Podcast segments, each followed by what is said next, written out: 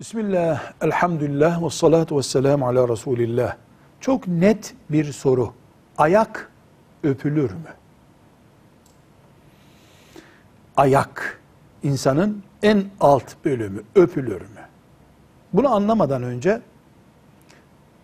el öpmeyi bilmemiz lazım. Bizde yaygın olarak el öpme, yoğun bir gündem olarak el uzatma, merhaba derken hemen öpülmek tarzında el uzatma yoktur. Sadece anne babaya ve ümmete önderlik yapan yaşlı başlı alimlere eli öpülmesi için izin verilmiştir. Bir de Ömer bin Hattab radıyallahu anh gibi adil ümmetin başında duran liderinde eli öpülür denmiştir. Anne, baba ve alimler. Bunun dışında uzanmış eller Medine toplumunun görüntüsünü yansıtmaz. Ama el öpmek haram değildir.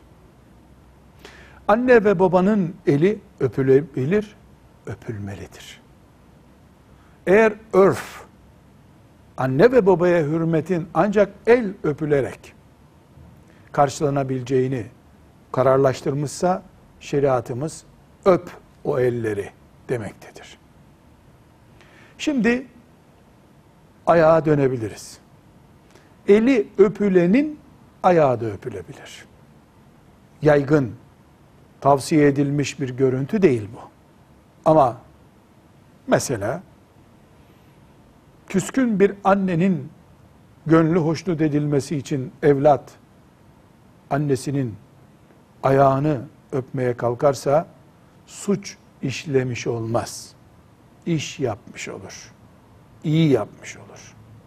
Velhamdülillahi Rabbil Alemin.